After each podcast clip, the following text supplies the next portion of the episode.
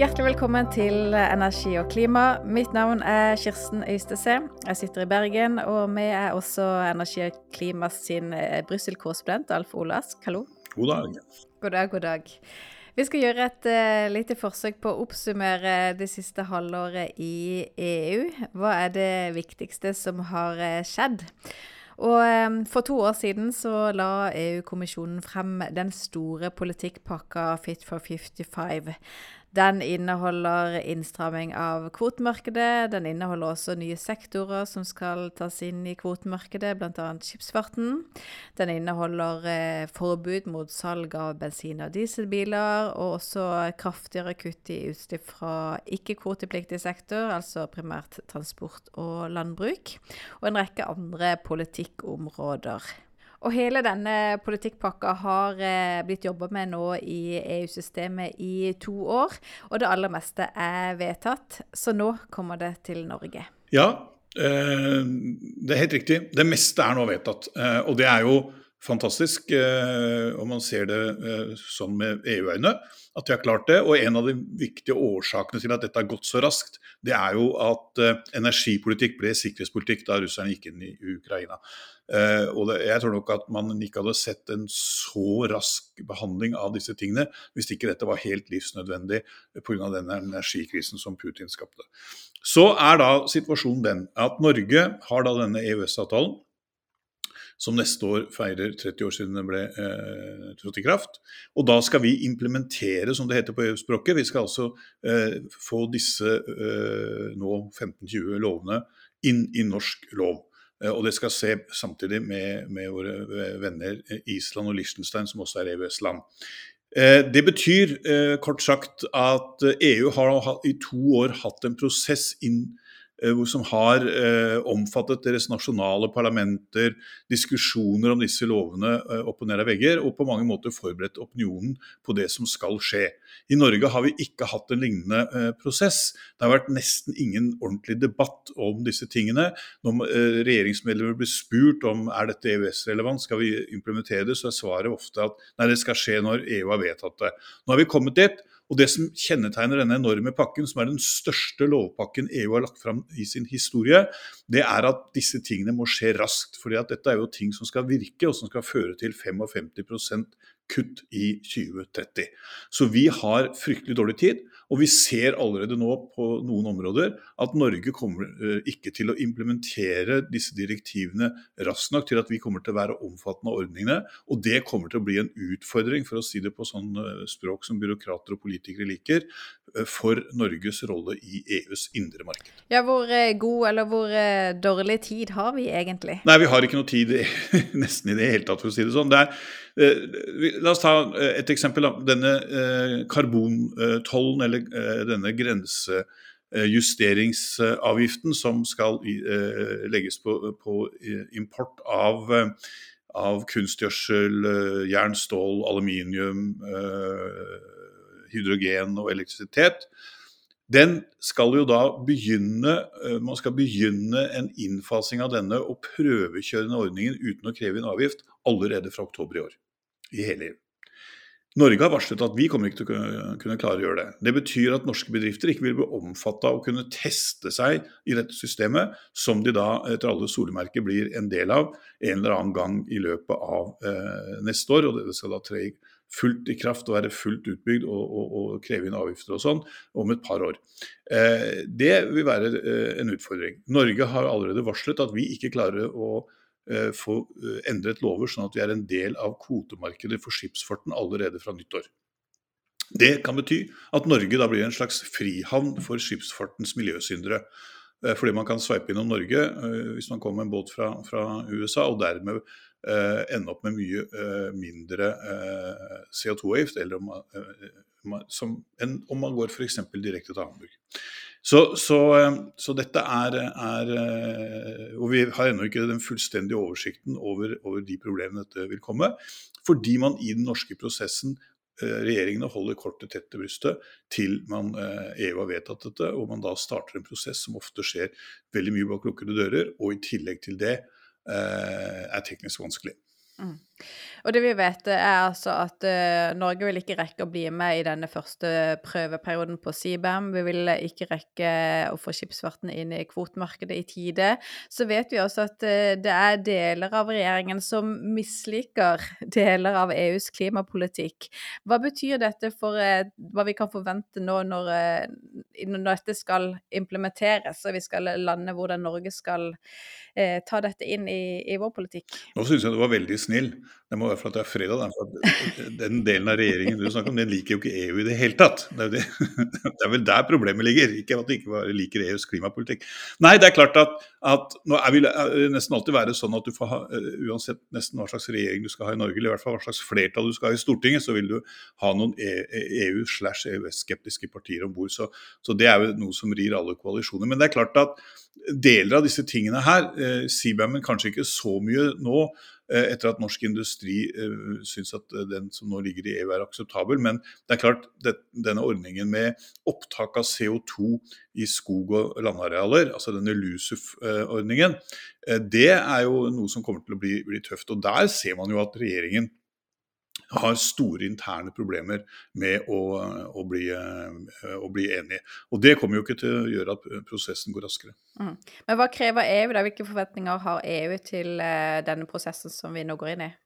Nei, EU har vært bekymret, og det har også ESA, som skal overvåke disse tingene, vært bekymret for, for, eh, for tempoet her, eller om det er mulig rett og slett å gjøre dette på, på så kort tid. Så, så, det er klart at EU er bekymra for at man får noen som har adgang til det indre marked, men som da ikke er omfattet av mange av de eh, klimalovene som jo regulerer aktiviteten i det indre markedet. Så det er helt klart, EU er bekymra for det. Men nå er det klart at det finnes jo mange sånne ting som henger etter. Vi har jo denne fjerde energipakken som er vedtatt i EU for lenge siden, som innebærer en utvidelse av ACERs eh, virkeområde og sånn. Den, den, eh, den eh, Uh, har jo ikke Norge uh, implementert uh, ennå, så det er, jo, det er, jo, en del sånne ting som allerede ligger der. Men det som er litt spesielt med denne Fit for 55-pakken og Repower EU, er jo at den går veldig sånn direkte inn da, på å kutte utslipp. Sette regler for solceller på tak, rask utbygging av den type ting. Strengere regler for energiøkonomisering i bygg. Eh, masse av disse tingene som, som, som jo også er viktig for, for, norske forbrukere. Eh, det er jo ikke bare liksom noe man trer nedover huet, men her er det også rett og slett noen rettigheter eh, for så vidt, og, og, og noen plikter som, som, jo også kan være en fordel for, for forbrukerne.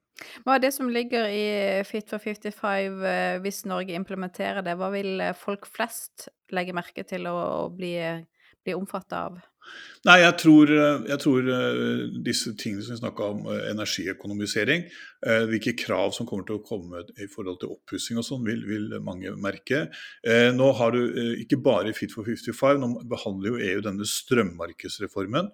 Der kommer jo EU med mange, eller i hvert fall ikke mange, men en del Eh, ganske progressive eh, forslag for å styrke forbrukernes rettigheter i kraftmarkedet. Det er jo eh, ikke alle i kraftsektoren som er like glad i, i, den type lovgivning. og I hvert fall ikke at den skal være på europeisk nivå. Men EU har vel den utgangspunktet at har man et europeisk energimarked, så må vel også de som utgjør dette markedet ha felles regler og felles koder. Det finnes det forslag for eksempel, som gjør at du kan velge ulike strømleverandører, ha mer enn én måler i huset. De løser opp noen av disse flokene som har vært rundt Eh, solenergi til flere enn ett bygg, hvor man i Norge har brukt nå sju år på å løse det problemet at du i et borettslag kan ha solceller på taket og uten å betale eh, avgift bruke din egen strøm i de forskjellige leilighetene. Dette har man altså i Norge brukt sju år på å klare å finne en løsning på, og nå varsler man at det skal tre nye regler i kraft 1.10. Du kan ikke bruke sju år i den energi- og klimasituasjonen vi er nå, på å løse en sånn floke eh, som dette. Eh, det må skje eh, mye raskere. og Der er det en del ting som tyder på at norske byråkrater kan få litt drahjelp fra EU. Mm. Hvis vi zoomer litt ut og ser dette halvåret i ett, det er det Sverige som har hatt formannskapet i EU. De overleverer det da til Spania 1.7. Men, men hva er det viktigste som har skjedd i EU dette halvåret? Svenskenes store hovedmål var jo at de skulle komme igjennom dette halvåret med et fortsatt samlet EU vis-à-vis -vis Russland. Og når det gjelder disse innføringene av sanksjonene mot Russland, og at de skulle stå skulder ved skulder og hjelpe Ukraina. De to tingene har jo, har jo eh, gått uh, bra. Uh, EU driver nå og planlegger sin ellevte sånn sanksjonspakke. og de begynner også på et arbeid for å tette smutthull i de sanksjonene som er der. Så der i det overordnede har det gått bra. Og så har jo svenskene klart å få de resterende siste Fit for 55-direktivene gjennom. Eh, den uh, uka som kommer nå, så skal energiministrene uh, forhåpentligvis, tror man, greie å endes om en slags pakke når, når, det gjelder denne strømmarkedsreformen. Så vil jo da parlamentet komme med sitt seinere. Og så vil jo da trilogen, altså forhandlingene mellom parlamentet og rådet, begynne under det, under det spanske formannskapet en gang til høsten. Så, så nei, ja, svenskene kan lene seg tilbake og, og, være tilfreds med det formannskapet de har hatt. Eh, og det er også en tid hvor mye av den politiske eh, kraften i Sverige jo har vært retta mot eh, det å komme inn i Nato, og Tyrkia som har bremset dette og sånn. Og det har jo nok vært mye høyere på den politiske agenda for regjeringen enn enn formannskapet. Men samtidig er jo den situasjonen den at mye av formannskapet i EU er sånn praktisk arbeid. Eh, og det ruller og går, eh, holdt på å si, uansett hvem som, eh, hvem som styrer. Og dette var nok godt planlagt og veldig tverrpolitisk forankra. Så ja, nei, søta bror eh, kan ta ferie. Men vet du, forresten, Kristian, skal, skal jeg gi deg et spørsmål. Vet du hvordan man i Brussel merker at det er svenskene som har EU-formannskap? Du, det er jeg som stiller spørsmål her, men uh, siden du spør, kan det ha noe å gjøre med feiring av uh, midtsommer? Det er helt korrekt. Det er den eneste gangen hvor, uh, hvor da EU-toppmøtet ikke ødelegger sankthansaften. Det er når svenskene har det. så Derfor så blir det da utsatt med en uke, sånn at vi skal komme hjem og, og, og feire midtsommer. Og det kan du gjøre med god samvittighet. Ja, de kan feire med god samvittighet fordi de har fått gjennom mye klimapolitikk.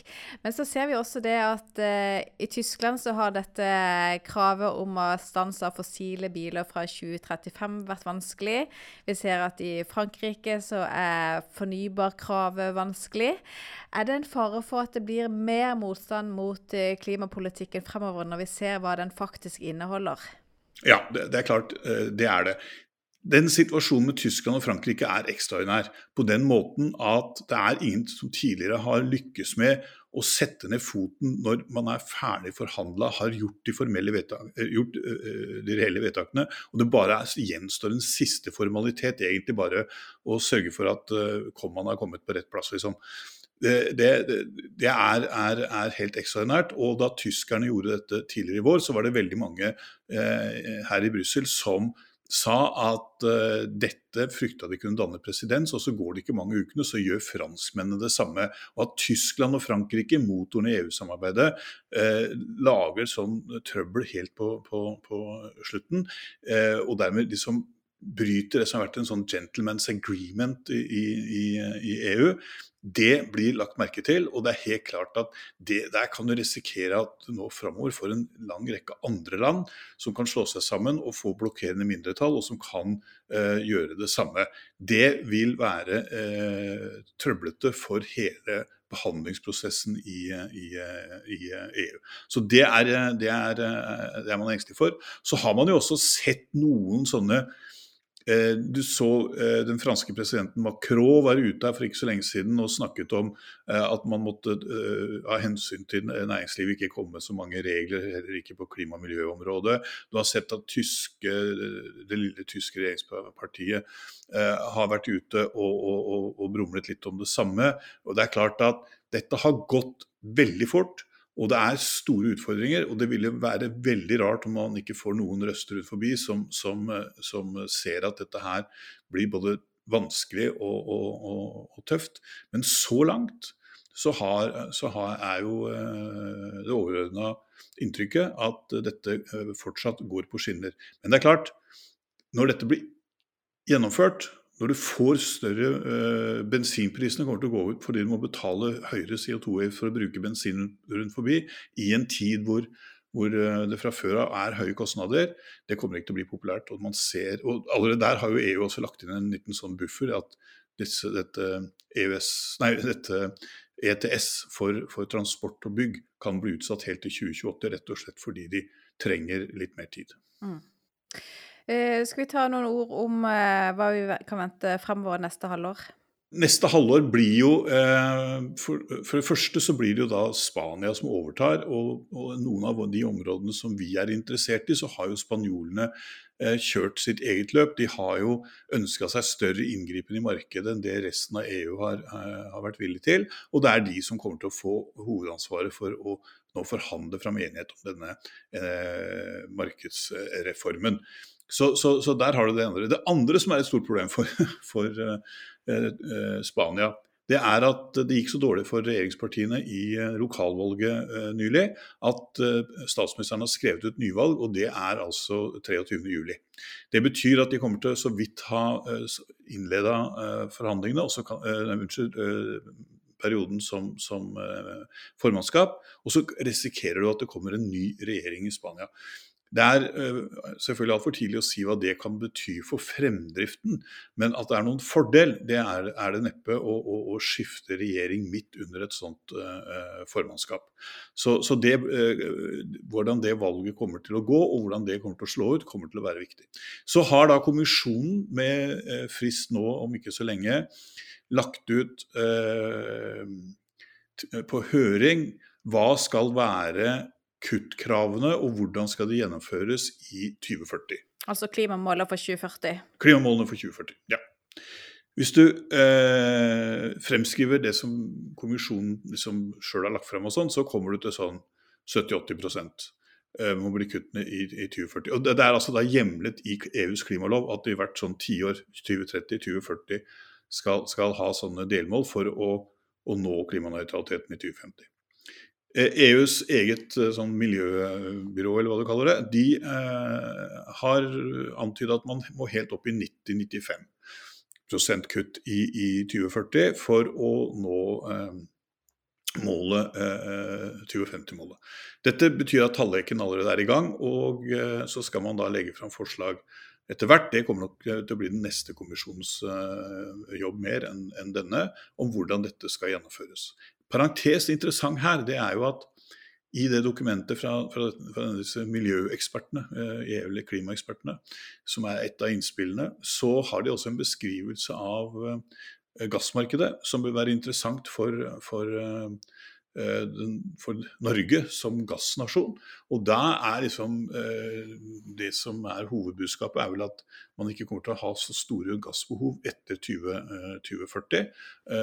Og det bør jo da kanskje telle inn eh, når man nå planlegger eh, store feltutbygginger i, i Norge, og som vil vare inn i fremtiden.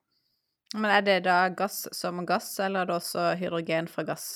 Nei, det, det, jeg snakker nok mest om gass som gass. Men eh, så får vi jo se hvordan hydrogen Det å ta, bruke CO2-rensing og hydrogen og sånn om det for det første blir lønnsomt, og i hvor stor skala eh, det kommer.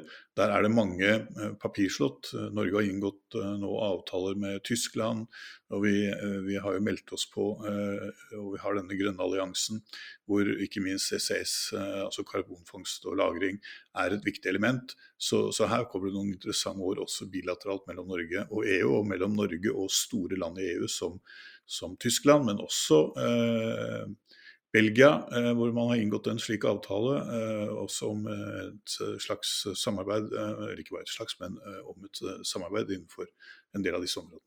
Mm.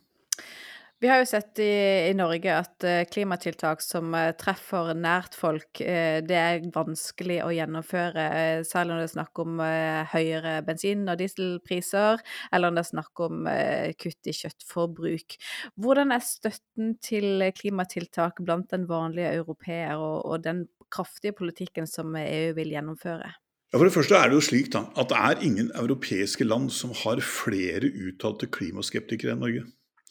Eh, vi er, eh, den, vi er altså, Det er jo nesten mellom hver fjerde og hver femte nordmann eh, som er spurt i disse meningsmålingene, sier at eh, de liksom tviler på at, eh, at klimaet er menneskeskapt. Det kommer nok Jeg tror det kommer selvfølgelig av at vi er en olje- og gassnasjon. I tillegg til det så kommer det av at vi har prosesser rundt denne klimapolitikken som vi får på e-post fra EU, som ikke er spesielt åpent, og som heller ikke inviterer folk inn.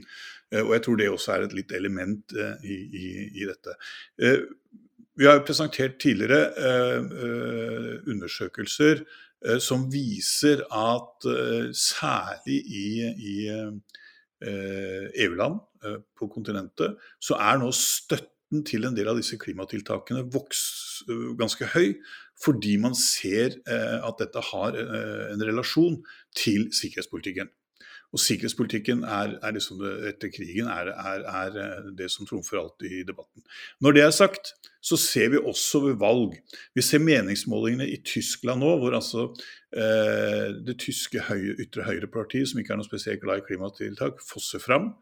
Vi ser at uh, i Sverige så støtter nå den svenske regjeringen seg på Sverigedemokraterna, som er det partiet som konsekvent har stemt imot flest klimatiltak i, i Europaparlamentet f.eks.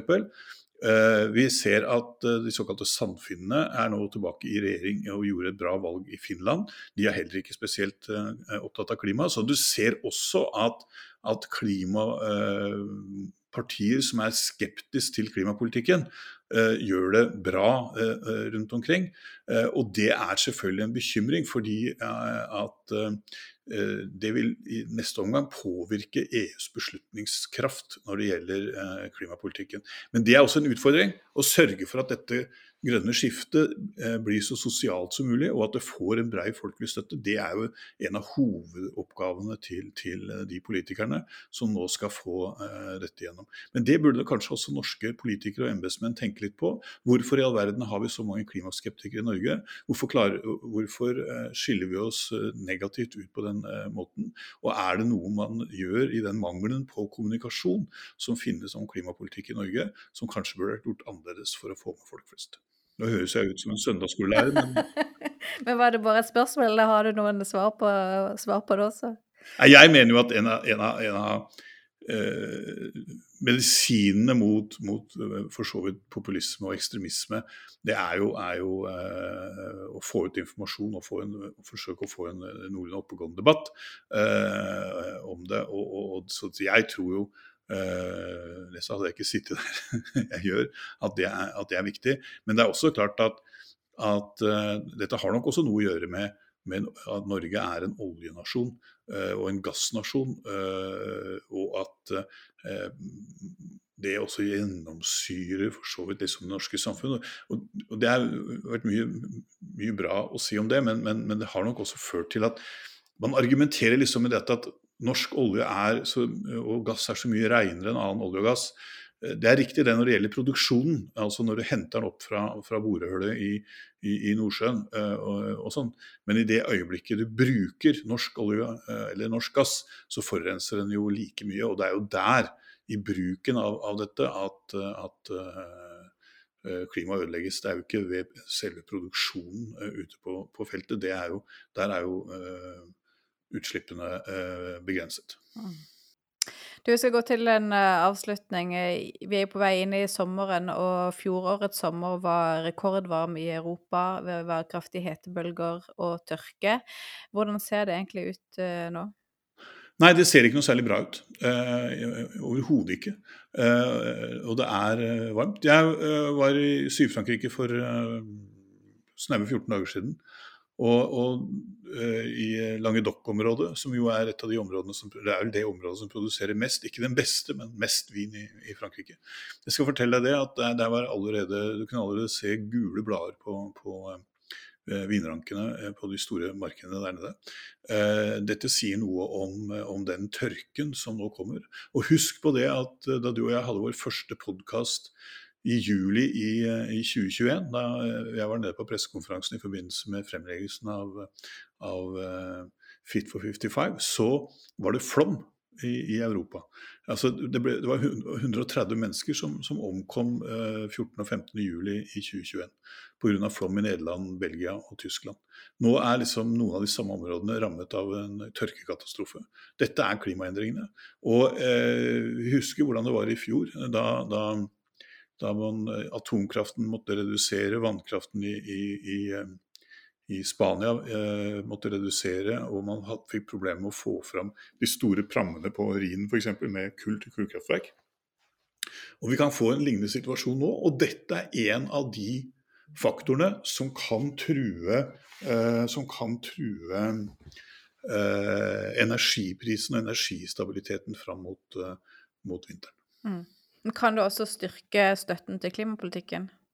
Ja, det kan det uh, selvfølgelig uh, gjøre, fordi du, som du var inne på i stad, man ser liksom på en måte sammenhengen mellom, mellom klima og, og, og, og, på å si sin egen virkelighet.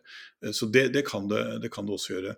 Men, men det gjenstår jo å, å, å se. Da. Mm. Nei, men bra. Det skjer et par ting nå i slutten av uh, juni og juli som uh, du i hvert fall kommer til å skrive om på energi og klima, og som vi også kanskje tar en ekstra podkast om hvis, uh, hvis vi syns det er viktig nok. Absolutt. Det skal jo være et toppmøte, som sagt.